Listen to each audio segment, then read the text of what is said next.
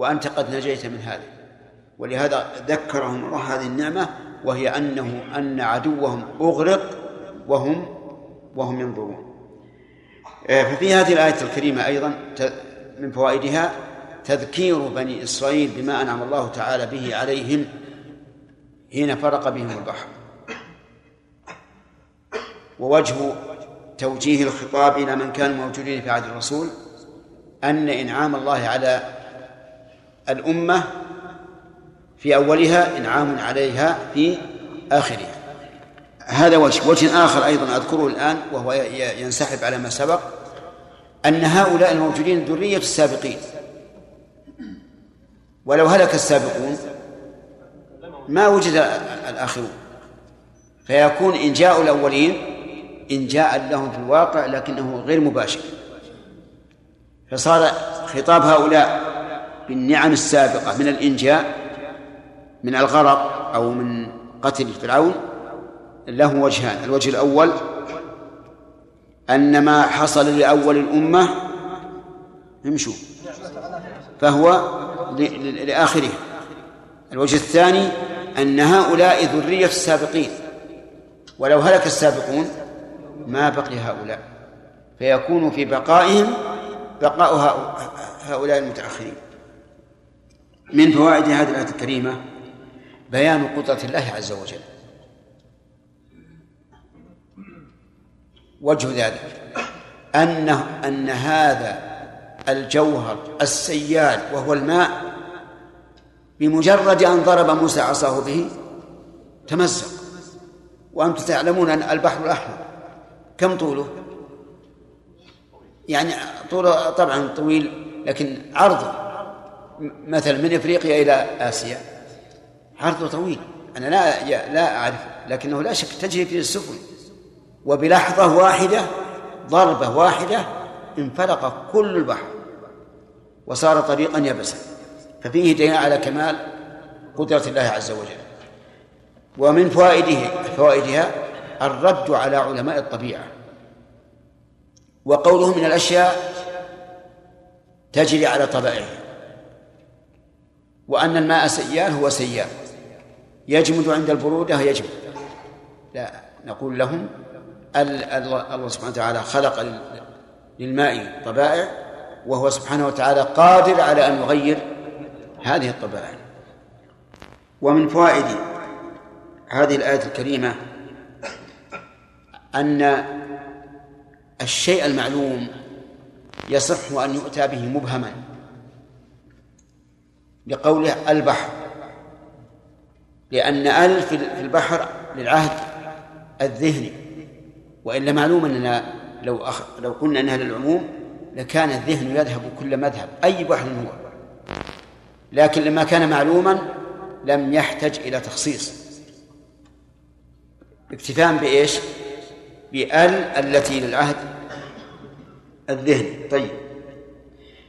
وبناء يتفرع على هذه الفائدة أنه لو قال شخص والله لأكلمن القاضي اليوم بما جرى في البلد.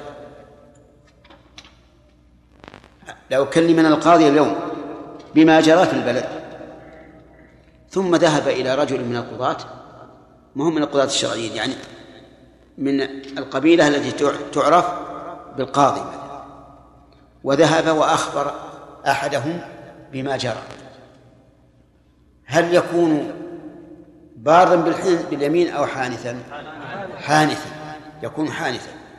لأن ظاهر اللفظ أن أل العهد الذهني لكن اعلموا أن اليمين تقيد بالنية. تقيد بالنية. ويحسن هنا أن نستطرد لهذا الموضوع. يرجع في الأيمان إلى نية الحالف إذا احتملها اللفظ. ثم إلى سبب اليمين وما هيجه السبب. ثم بعد ذلك إلى التعيين ثم إلى ما يحتمله اللفظ. أربع أربع مراتب. الأيمان يرجع فيها قبل كل شيء إلى النية. ثم ثم التعيين ثم ما يحتمله اللفظ. وإنما قدمت النية لأن الله نص عليها. لا يؤاخذكم الله باللغو في أيمانكم ولكن يؤاخذكم بما عقدتم الأيمان. فجعل المرجع إلى ما اعتقده الإنسان. وفي الآية الثانية قال ولكن يؤاخذكم بما كسبت قلوبكم. فلو أن رجلا قال والله لا أبيتن الليلة إلا على وتد إلا على وتد والله لا أنام الليلة إلا على وتد. إيش الكلام هذا. لا ينام على الأوتاد إلا الطيور. تعرفون الوتد؟ عبارة عن أي نعم عن خشبة تدق في الجدار تثبت في الجدار علشان تعلق عليه الثياب. نعم. هو قال والله لا أنام الليلة إلا على وتد قلنا له هذا يا ولد كيف تنام على وتد أنت طير من الطيور؟ فذهب إلى جبل حوله ونام عليه. بر بيمينه أو لا؟ ليش؟ لأن هذا اللي هو نوى. وإن كان ظاهر اللفظ خلافة لكن هذا هو اللي نوى. واضح؟ وقال والله لا أنام الليلة إلا على فراشي. ثم خرج إلى خارج البلد ونام على الأرض. قلنا ما ليش ما فرشت؟ يقول أنا نويت أن الأرض فراش لأن الله يقول جعلكم الأرض فراشا. فالمهم إذا احتملها اللفظ يرجع إلى النية. طيب لو قال والله لأشترين والله لأشترين اليوم خبزا فذهب واشترى سيارة وانتهى اليوم ولم يشتري خبزة واحدة. قلنا الآن عليك كفارة. عليك كفارة حديث. قال أنا نويت بالخبز السيارة. يصلح؟ ليش؟ لا يحتملها اللفظ. هذا لا يحتملها اللفظ إطلاقا. فلا يقبل. آه بعد ذلك السبب وهذه أيضا مهمة. هذه مهمة وتقع كثيرا من بعض الناس في مسألة الطلاق. يقول مثلا لزوجته إن كلمت أخاك فأنت طالق إن كلمت أخاك فأنت طالق بناء على أنه قيل له إن أخا زوجت زوجتك هو الذي يفسدها عليك. فقال بناء على هذا إن كلمت أخاك فأنت طالق ثم تبين أنه أن أخاه أخاها بريء من ذلك. فلا تطلق لو كلمت لا تطلق لماذا؟ لأن السبب تبين خلاف ما ما, ما بنى عليه الطلاق. ومثل ذلك لو قال والله لا أدخل هذا البلد. والله لا أدخل هذا البلد. بناء على أن أمير البلد يطلبه. يبحث عنه. نعم. قال والله ما أدخلها. ثم تبين أن أمير البلد لا يطلبه يدخل البلد أو لا. السبب لأنه مبني على إيش؟ على سبب لم يكن. التعيين. التعيين مثل أن يقول عنده آه، طلي صغير. إيش الطلي؟ أي لا ما هو صغار الخرفان. قال والله لا آكل لحم هذا الحمل. والله لا آكل لا آكل لفظ هذا الحمل. كبر الطلي صار خروفا. صار كبشا. وأكله. يحنث أو لا يحنث؟ لا التعيين يا أخوان. عين. عين قال هذا. فيحنث. إلا إذا نوى ما دام على هذه الصفة. ثم قال. مثال آخر قال والله لا ألبس هذا القميص ويعين. ثم حوله وجعله سراويل. يلبسه أو لا؟ لو لبسه كفر. لو لبسه كفر لأنه عين قال هذا القميص. إلا إذا نوى ما دام قميصا فلا. واضح؟ طيب. بعد هذا نرجع إلى إيش؟ إلى ما يحتمله اللفظ. إلى ما يحتمله اللفظ. طيب اللفظ له معنى في اللغة ومعنى في الشرع ومعنى في العرف. أحيانا تتطابق تتطابق الثلاثة وأحيانا تختلف. إذا تطابقت الثلاثة واضح. السماء الأرض الصلاة لا الصلاة تختلف اللغة والشرع. إذا تطابقت فالأمر واضح. لكن إذا اختلفت في الأيمان فماذا نقدم؟ هل نقدم العرف أو نقدم اللغة أو نقدم الشرع؟ لا نقدم العرف. فإذا قال والله لأهبن لفلان شاة. ثم وهبه عنزا يكون بر بيمينه أو لم يبر. نعم. العرف عندنا أنه لم يبر. لأن الشاة عندنا أنثى الضأن. وهذه أنثى معز فلا فلا يضر إلا إذا قال أنا قصدت بالشاة مدلولها اللغوي. فحينئذ يكون قد بر. لأنه أراد المدلول اللغوي طيب. فكذلك أيضا قال والله لا أصلي على فلان. والله لا أصلي على فلان. فذهب وصلى عليه. يحنث أو لا يحنث؟ يحنث لكن لو قال الرجل أنا أنا أردت الدعاء. لا أدعو له وأردت أيضا لا أدعو له في غير الصلاة عليه. نقول النية مقدمة على كل شيء النية مقدمة على كل شيء. المهم أن مراتب الأيمان خمس أربع توافق على هذا؟ أنت؟ أربع طيب. الأول ثم السبب سبب اليمين ثم التعيين ثم ما يحتمله اللفظ. نعم.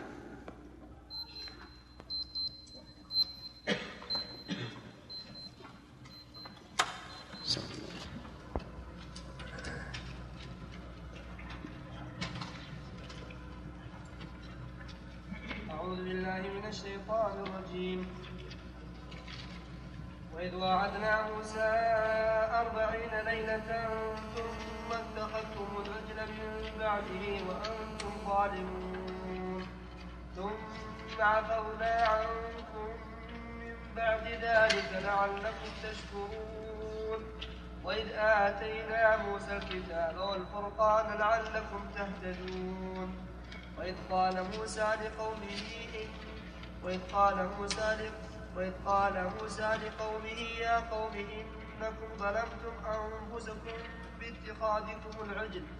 فتوبوا إلى بارئكم فاقتلوا أنفسكم. ذلكم خير لكم عند بارئكم فتاب عليكم إنه هو التواب الرحيم. قال الله تبارك وتعالى وإذ وعدنا موسى أربعين ليلة وكان الله تعالى وعده قبل ذلك ثلاثين ليلة وأتمها بعشر فتم ميقات ربه أربعين ليلة. وعده الله تعالى لمناجاته هذه المدة وأناب أخاه هارون على قومه وقال اخلفني في قومي وأصلح ولا تتبع سبيل المفسدين. فكان فرعون فكان هارون خليفة موسى في قومه حين ذهب لميعاد الله عز وجل. ثم إن بني إسرائيل لعتوهم وعنادهم اتخذوا عجلا من الذهب. اتخذوه إلها. وكان صاحب هذه الفكرة رجلا يقال له السامري. صنعوا من الحلي الذي قيل إنهم أخذوه من حلي آل فرعون صنعوا منه ثورا عجلا وجعلوا له آه، جوفا تدخل منه الريح من الدبر وتخرج من الفم. فإذا دخلت الريح سمعوا له صوتا كخوار الثوب. فقال السامري هذا إلهكم وإله موسى. موسى ذهب يطلب إلهه فظل ولهذا مضت ثلاثون شهرا ثلاثون ليلة وزادت يطلب هذا الإله. ولكنه نسي وظل وتاه. وهذا إلهكم وإله موسى. فجعل عيسى عليه فجعل هارون يذكرهم بذلك. ويقول إن ربكم الرحمن فاتبعوني وأطيعوا أمري. وهو نبي. ولكنهم أصروا استكبارا وقالوا لن نبرح عليه عاكفين حتى يرجع إلينا موسى. وأصروا على عبادة العجل رجع موسى عليه الصلاة والسلام ووجدهم على حال ليست ليست مرضية على خلاف ما فارقهم عليه. وغضب ألقى الألواح وهي التوراة التي كتبها الله عز وجل بيده. ألقاها. من شدة الغضب وأخذ برأس أخيه ولحيته يجره إليه بشدة. ويقول ما منعك إذ رأيتهم ضلوا ألا تتبعني. وكان هذا من شدة الغضب. وإلا في حال الرضا لا بد أن يسأل أولا. كيف ضلوا؟ قبل أن يقول ما منعك إذ رأيتهم ضلوا ألا تتبعني لكن الإنسان بشر. يعتريه ما يعتريه من الحال البشرية. قال يا ابن أم لا تأخذ بلحيتي ولا برأسي إني خشيت أن تقول فرقت بين بني إسرائيل ولم ترقب قولي. شوف هو خشي من موسى عليه الصلاة والسلام أن يقول فرقت بين بني إسرائيل لأنه لو قال أو زاد في في وعظهم لانقسموا قسمين. قسما يكون مع عيسى مع هارون وقسما آخر مع السامري. فكأنه عليه الصلاة والسلام ترك ذلك خوفا من هذا. ومع ذلك هم أيضا مصرون على ما هم عليه. اتخذوه إله حتى عبدوه. والقصة مبسوطة في سورة طه اتخذوه إلها ولهذا قال ثم اتخذتم العجل من بعده. العجل مفعول اتخذتم الأول والمفعول الثاني محذوف والتقدير ثم اتخذتم العجل إلها. وقوله من بعده تفيد أنهم لم يتخذوه من أول وهلة بل هناك مسافة.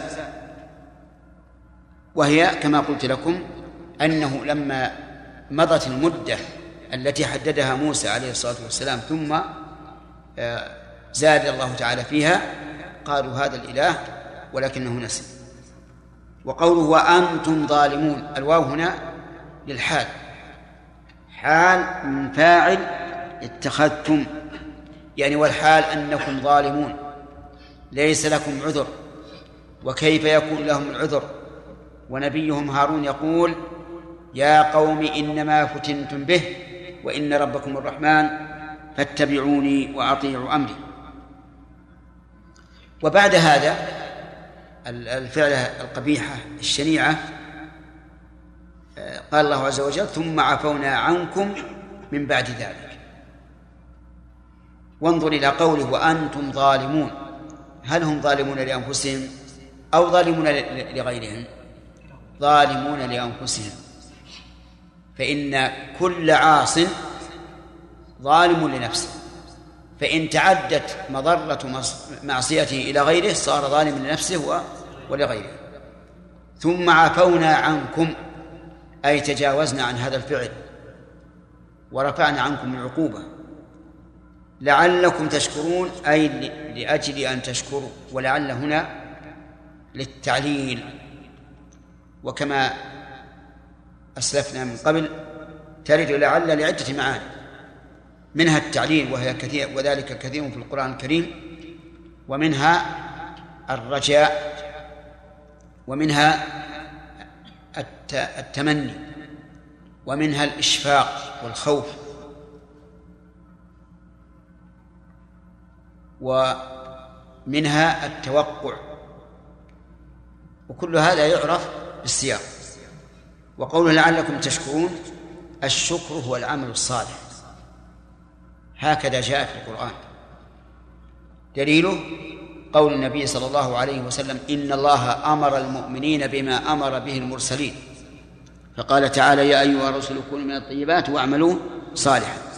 وقال في المؤمنين كلوا من طيبات ما رزقناكم واشكروا لله. وهذا يدل على أن الشكر هو العمل الصالح. وهو كذلك لا شك فيه.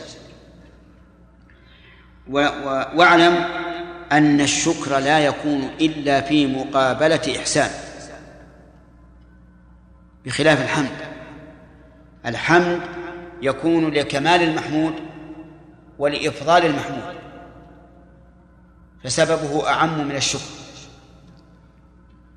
ولكن الشكر أعم من الحمد من حيث تعلقه بالقلب واللسان والجوارح كما قال القائل أفادتكم النعماء مني ثلاثة يدي بعد؟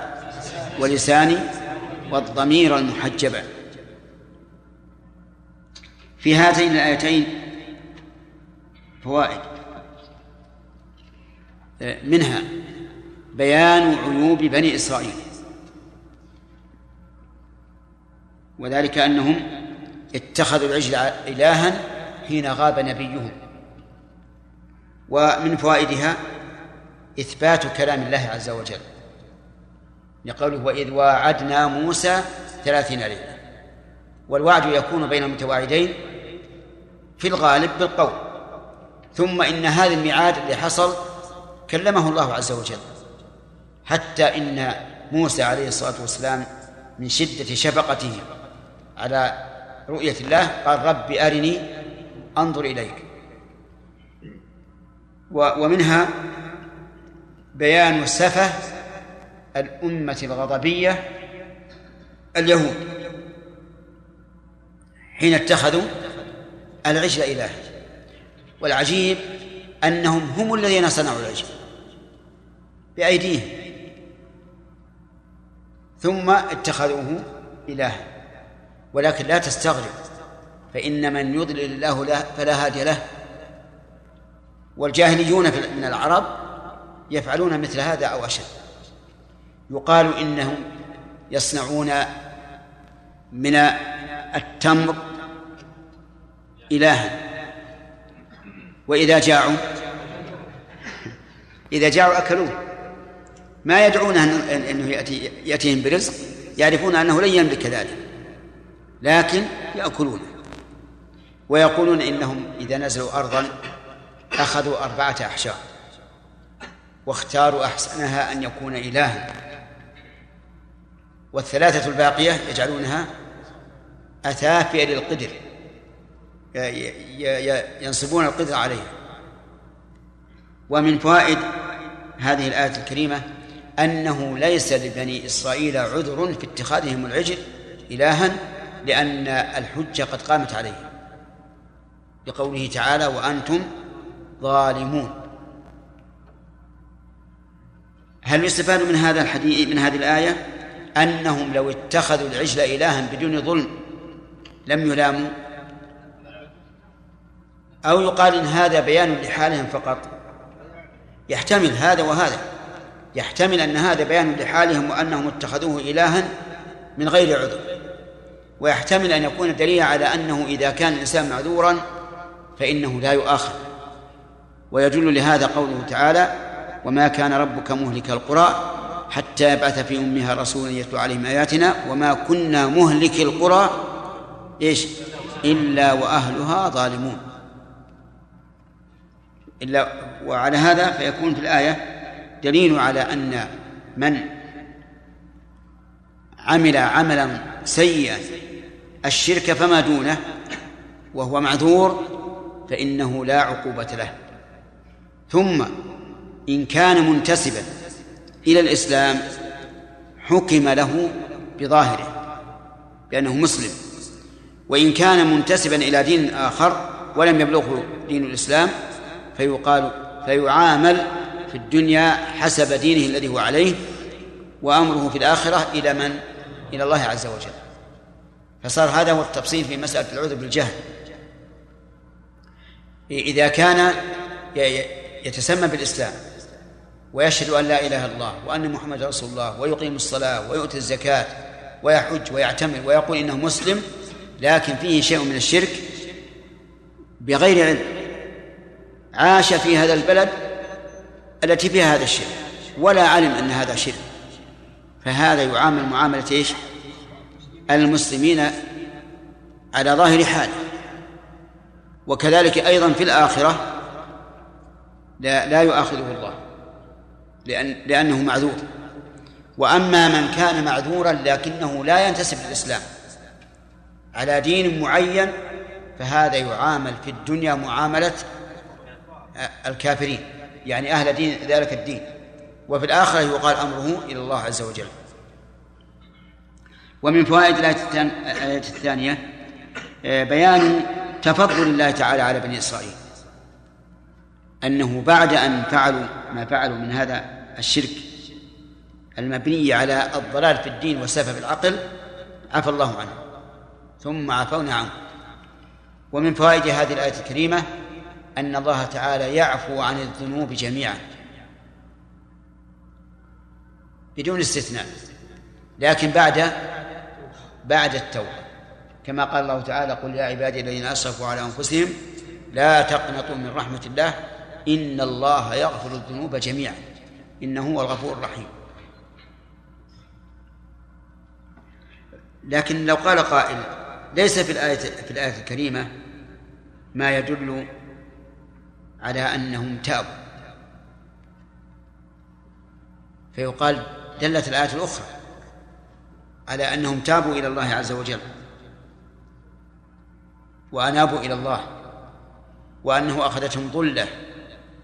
وأمروا أن يقتل بعضهم بعضا. فلما علم الله منهم صدق الرجوع إليه وأنهم امتثلوا حتى القتل عفى الله عنه. ومن فوائد هذه الآية الكريمة أن من أنعم الله عليه نعمة دينية وجب عليه شكرها كالنعمة الدنيوية.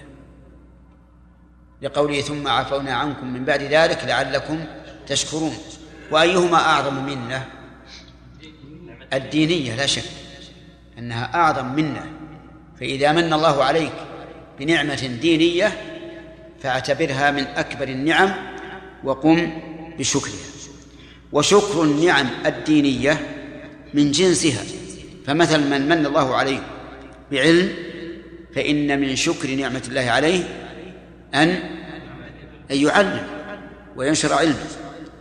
وكذلك من من الله عليه بمال فإنه من شكر نعمة الله عليه أن بهذا المال أن يتصدق منه وينفع الفقراء ويصل الرحم ويبر الوالدين. ومن فوائد هذه الآية الكريمة إثبات العلل لأفعال الله. من أين تؤخذ؟ من قوله لعلكم تشكرون. ولا شك عندنا في هذا أن جميع أفعال الله وأحكام الله كلها مبنية على علل ومصالح لكن منها ما يعلم ومنها ما لا يعلم.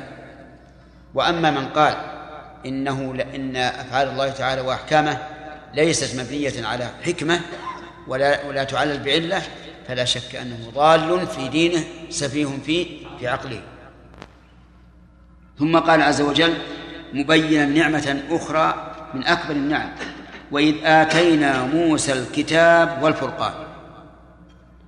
آتينا موسى أي أعطيناه وآتينا بالمد تنصب مفعولين. بخلاف أتينا فإنها لا تنصب إلا مفعولا واحدا. لأن آتى بالمد بمعنى أعطى وأتى بمعنى جاء. نعم. يقول آتينا موسى الكتاب أعطيناه. وأل في الكتاب للعهد.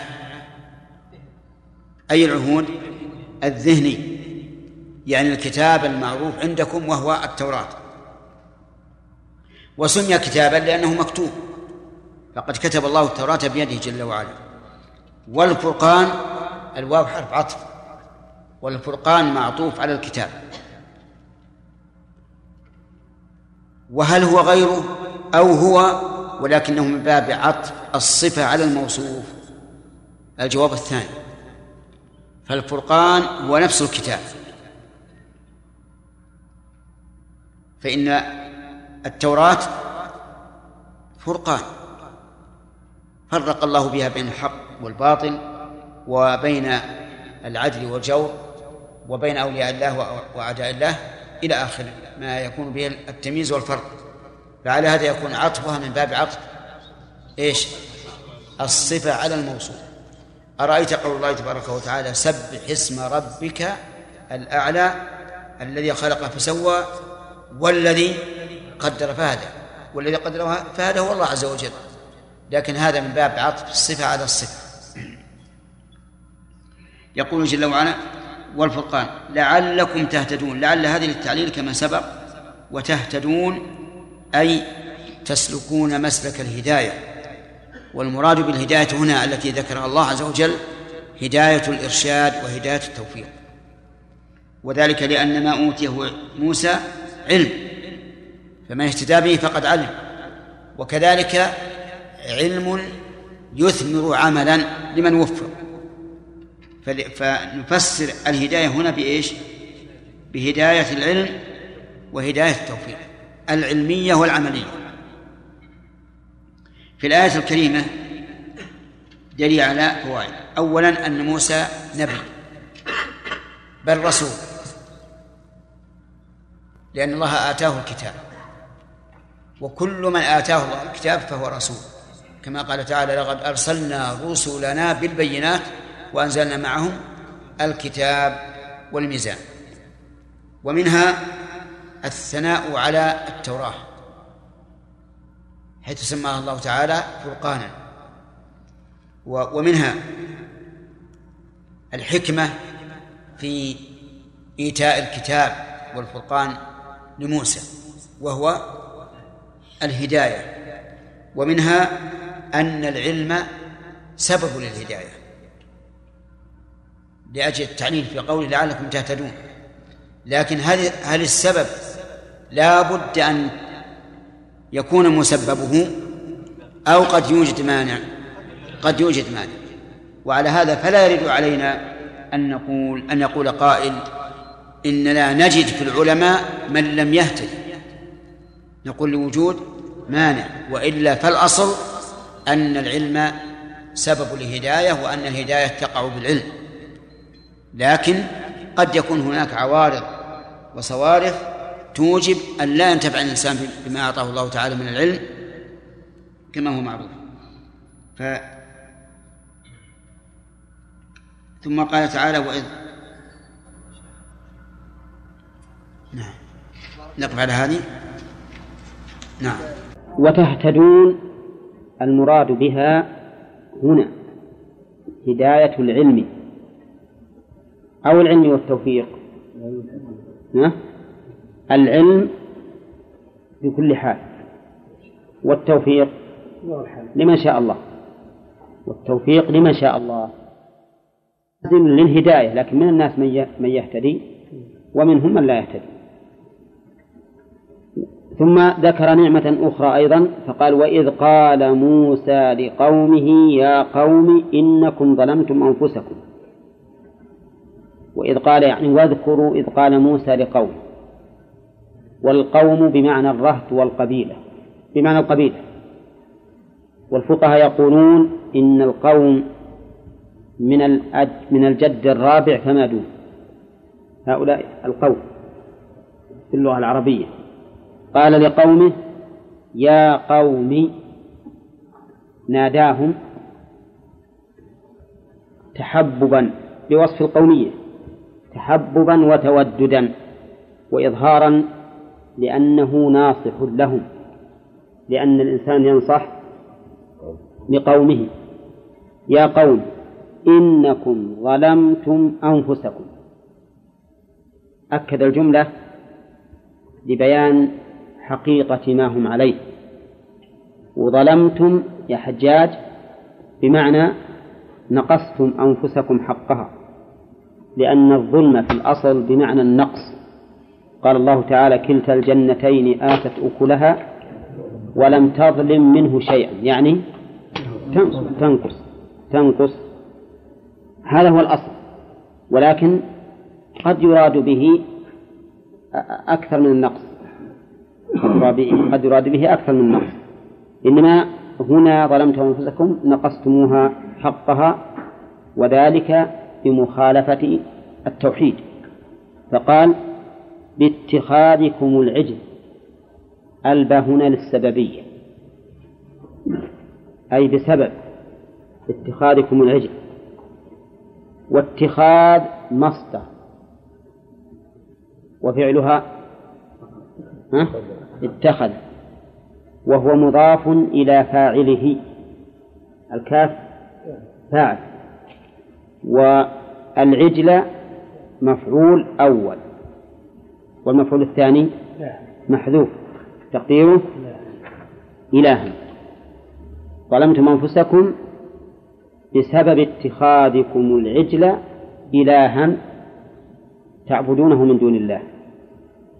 والعجل هذا سبق أنه عجل من ذهب صورة وأن الذي فتن الناس بها رجل يقال له السامري.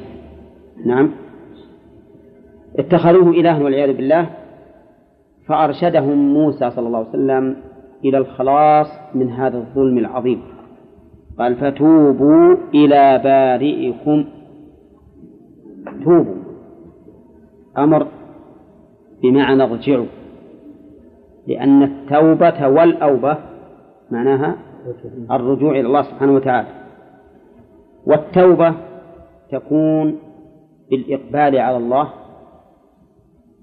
بالإقبال على الله بفعل أوامره واجتناب نواهيه. إذا كان الظلم بترك واجب فالتوبة بفعله. وإذا كان الظلم بفعل معصية التوبة بتركها والإقلاع منها فتوبوا إلى بارئكم. ما قال إلى الله ولا قال إلى ربكم. لإظهار لومهم وتوبيخهم. لأن البارئ بمعنى الخالق المعتني. خالق المعتني. فكأنه يقول كيف تتخذون العجل إلها وتدعون خالقكم؟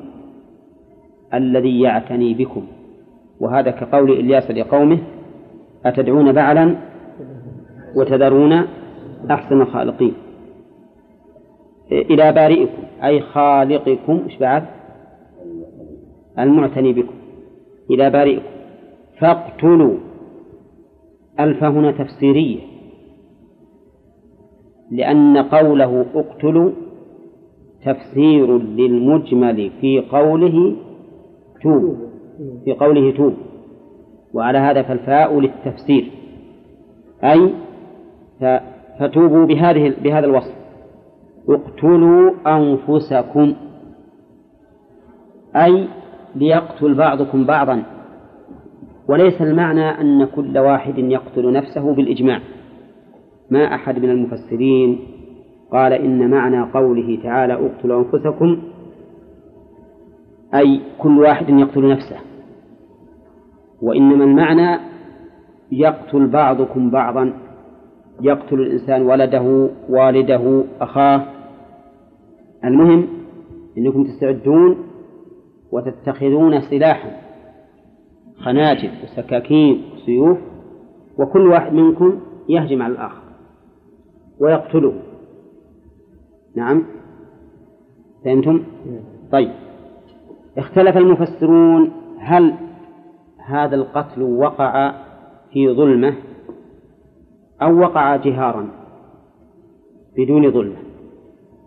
فقيل إنه لما لما أمروا بذلك قالوا لا نستطيع أن يقتل بعضنا بعضا فينظر الإنسان إلى ابنه فيقتله وإلى أبيه فيقتلوه وإلى أخيه وإلى صديقه هذا شيء ما يمكن. فألقى الله عليهم ظلمة وصار يقتل بعضهم بعض ولا يدري من قتل. وقيل بل إنهم قتلوا جهرا بدون ظلم وإن هذا أبلغ في صحة في الدلالة على صحة توبتهم.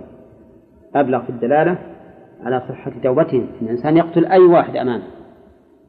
وأنهم لما رأى موسى صلى الله عليه وسلم أنهم سي سي سينتهون. لأنه إذا صار بعضهم يقتل بعضا من يبقى. يبقى واحد. يبقى واحد. فلما رأى أنهم سي سي سينتهون ابتهل إلى الله سبحانه وتعالى أن يرفع عنهم الإصر فأمروا بالكف. وقيل بل سقطت منهم أسلحتهم.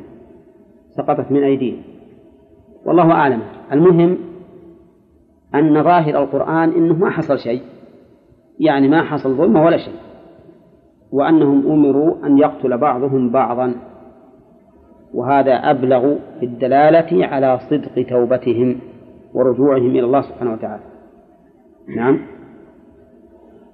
وذهب بعضهم إلى أنه إلى أن المراد يقتل البريء منكم المجرم. يقتل البريء المجرم. يعني الذين دعوا إلى عبادة العجل وعكفوا عليه يقتلون. والذين تبرأوا منه يقتلون. نعم. والله أعلم. لكن الظاهر الأول. الظاهر الأول لأن قتل البريء للمجرم ما فيه دلالة على صدق التوبة من المجرمين. لأن الإنسان قد يقتل وهو مصر على الذنب ولا يدل ذلك على توبته قال عليه الصلاة والسلام ذلكم خير لكم عند بارئكم ها؟ ها؟ قال عليه الصلاة والسلام حديث أين؟ قال موسى إيه. نعم ذلكم خير لكم عند بارئكم ذلكم خير لكم. ذلكم المشار إليه القتل. وهنا قال ذلكم ولم يقل ذلك. لماذا؟ ها؟ لأنه يشير لجماعة؟ لا. خطأ جماعة. خطأ خطأ. انتبه. قال ذلكم ولم يقل ذلك. ها؟ ولا يشير إلى جماعة؟ لا. يخاطب جماعة. ها؟ خطأ جماعة وشيء إلى واحد. صحيح. يخاطب جماعة ويشير إلى واحد وهو القتل. المشار إليه واحد مفرد مذكر وهو القتل. والمخاطب جماعة وهم قومه وهم قومه ذلكم خير لكم عند بارئكم. قول خير لكم يعني من عدم التوبة. أو من عدم القتل وهذا من التفضيل بما ليس في الطرف الآخر منه شيء فهمتم؟ والتفضيل بما ليس في الطرف الآخر منه شيء هذا وارد في اللغة العربية لكن بعضهم يقول إنه يسلب منه التفضيل هنا ويكون دليلا على وجود الخير في هذا الأمر بدون ذكر بدون تقدير المفضل عليه. نعم. فمثلا هنا يقول قائل لو لم يقتلوا أنفسهم هل في ذلك خير؟ ها؟ ما في خير. فلماذا قال ذلكم خير لكم؟ نقول فيها جوابان أحدهما أن هذا من باب التفضيل بما ليس في الطرف المفضل عليه منه شيء. كقوله تعالى أصحاب الجنة يومئذ خير مستقرا وأحسن مقيلا خير مستقرا من أهل النار. مع أن أهل النار ليس في مستقرهم. خير. وبعضهم يقول إنه هنا ليس اسم تفضيل في مثل هذا. بل فيه وصف هذا الشيء بالخيرية فقط. وليس من باب المفضل والمفضل عليه في شيء. ذلكم خير لكم عند بارئكم ثم قال الله تعالى ما نقول قال صلى الله عليه وسلم نقول قال الله تعالى فتاب عليكم هذا محط ذكر النعمة ولا لا؟ لأن الأول وإذ قال موسى لقومه ذكر الذنب والتوبة منه لكن النعمة بأي شيء؟ ها؟ بتوبة الله بتوبة الله عليهم. ولهذا قال فتاب عليكم. وتوبة الله على عبده معناه أنه يرضى عنه بعد بعد الغضب. ويقبل إليه بعد التولي عنه والإعراض عنه. نعم. أو إيه فتاب عليكم هذا من كلام الله. لا لا. لا اذكر نعمة الله إذ قال فتاب الله عليكم. فهي من كلام الله. وقوله فتاب عليكم إيش معنى تاب؟ أقبل بعد أن و و و أقبل إليكم بعد أن كان معرضا عنكم. أو أن المعنى تاب أي قبل التوبة. قبل التوبة منكم ومن لازم قبول التوبة منهم أن يقبل الله إليهم ثم قال الله تعالى إنه هو التواب الرحيم. إن الله هو التواب الرحيم. هو ضمير فصل. ويسميه بعض النحويين ضمير عماد. باعتماد الخبر عليه. وضمير فصل لأنه فصل بين الصفة والخبر وقد ذكرنا أن فيه ثلاث فوائد من يذكرها؟ ها؟ طيب ضمير الفصل فيه ثلاث فوائد ذكرناها سابقا وش يا صالح؟ ها؟ يا الحصر أين؟ ها؟ تعيين اي يعني الفصل تعيين ما بعده خبر ما لا بأس. والثالث؟ التوكيد والثالث التوكيد نعم. وقوله التواب صيغة مبالغة ولم يقل التائب. نعم. لأن التائب تدل على مطلق الفعل لكن التواب تدل على كثرته. نعم. تدل على كثرته. والله سبحانه وتعالى كثير التوبة لكثرة توبته على عبده. وكثير التوبة لكثرة من يتوب عليهم من الناس. فهو يتوب بالمرات المتعددة على على عبده ويتوب بالأشخاص الكثيرين الذين يكثر توبتهم. لهذا جاءت الصيغة التواب. وقول الرحيم أي ذو الرحمة.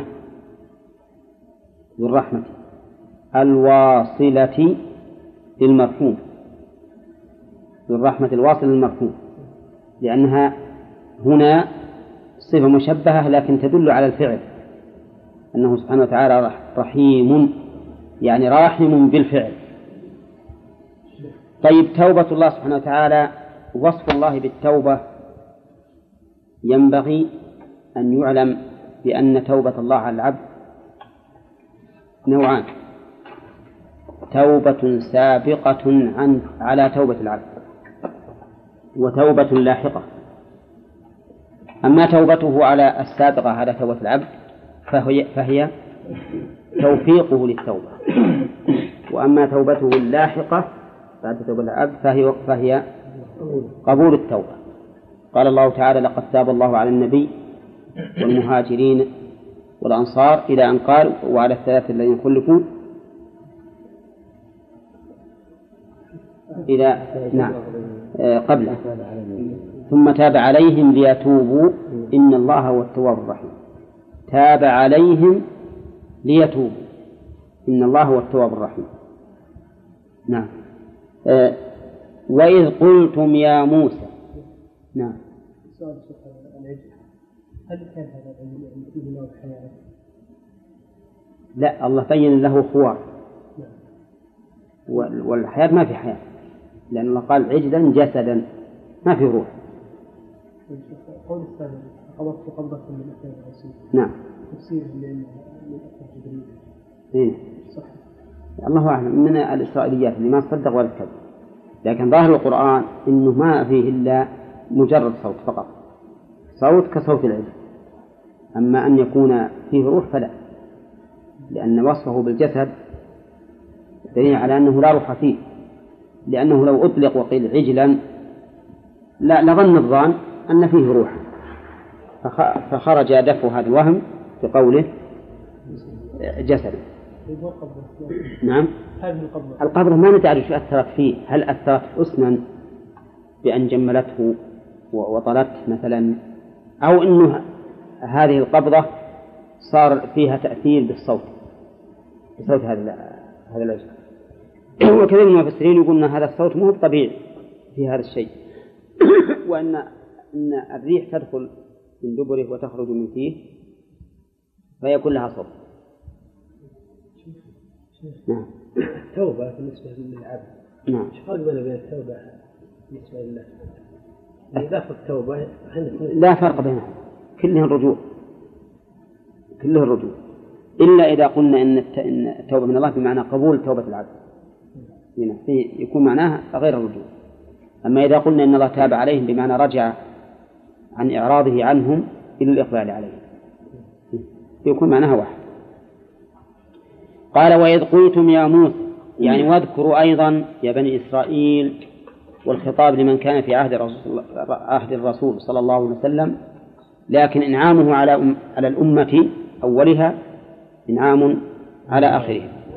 إذ قلتم يا موسى لن نؤمن لك حتى لن تفيد النفي. تفيد النفي لكنها تقتضي التأبيد ولا ما تقتضيه؟ ما تقتضي التأبيد إلا إذا قيدت به إلا إذا قيدت به. نعم. ولك ولكنها لها ثلاث حالات. تارة تقيد بما يدل على الغاية. كقوله هنا لن نؤمن لك حتى نرى الله. لن نبرح عليه عاكفين حتى يرجع إلينا موسى. هذه واضحة. إذا قيدت بما يدل على الغاية إن غير ما تدل إنه لا تدل على التأبيد. ولا تحتمل التأبيد. ولا وتارة تقيد بما يدل على التأبيد. كقوله تعالى ولن يتمنوه أبدا بما قدمت أيديهم. والثالث أن تأتي مطلقة. مثل لن يقوم فلان. نعم. فهذه إن دلت القرينة على أنها تقتضي التأبيد فهي للتأبيد. وإن دلت القرينة على أنها لا تقتضي فهي محتملته فمثلا فإن لم تفعلوا ولن تفعلوا. وش له؟ تأبيد ما فيها أبدا. لكن القرينة تقتضي ذلك. القرينة تقتضي ذلك. نعم. طيب. إذا هذا حكم لن ولهذا قال ابن مالك في الكافية ومن رأى النفي بلن مؤبدا فقوله اردد وسواه فاعضدا قوله اردد لأن المعتزلة بل الأشعرية يقول لن للتأبيد. ولأجل ذلك استدلوا بقول الله تعالى لموسى لن تراني أنه لن يرى أن الله لن يرى. لا في الدنيا ولا في الآخرة. ولكن قولهم بلا شك مردود. طيب إذن لن نؤمن لك أي لن ننقاد ولن نصدق ولن نعترف لك بما جئت به حتى نرى الله جهرة. نرى نرى بمعنى نبصر. ولهذا ما تنصب إلا مفعولا واحد. لأنها رؤية بصرية. فاعلها وين؟ مستتر جوازا تقديره نحن. الله مفعول به. نعم. سبحان الله. وين العلم النحو؟ نرى فعل مضارع. فاعله مستتر ها؟ وجوبا. تقديره نحن. إن قلنا لكم إذا كان الضمير تقديره أنا أو أنت أو نحن. فهو واجب. ولا صار هو أو هي فهو مستتر جوازا. نعم. لكن غريبين سبحان الله عنه. هذه مسائل بديهية ما هي يعني صعبة يعني من المسائل النحوية الصعبة. ها؟ هذه يمكن اللي في الابتدائي يعرف. نعم. وما يرضينا منكم هذا. كل ما كان الضمير تقديره أنا أو نحن أو أنت. فهو؟ مستتر وجوبا وإذا كان تقديره هو أو هي فهو مستتر جوازا. طيب. هذا تقديره نحن. فيكون مستترا وجوبا. وقوله جهرة هذه حال. أو هي مفعول مطلق أي رؤية جهر رؤية جهرة. متى قالوا ذلك؟ قيل إنهم قالوا ذلك حينما اختار منهم موسى صلى الله عليه وسلم سبعين رجلا لميقات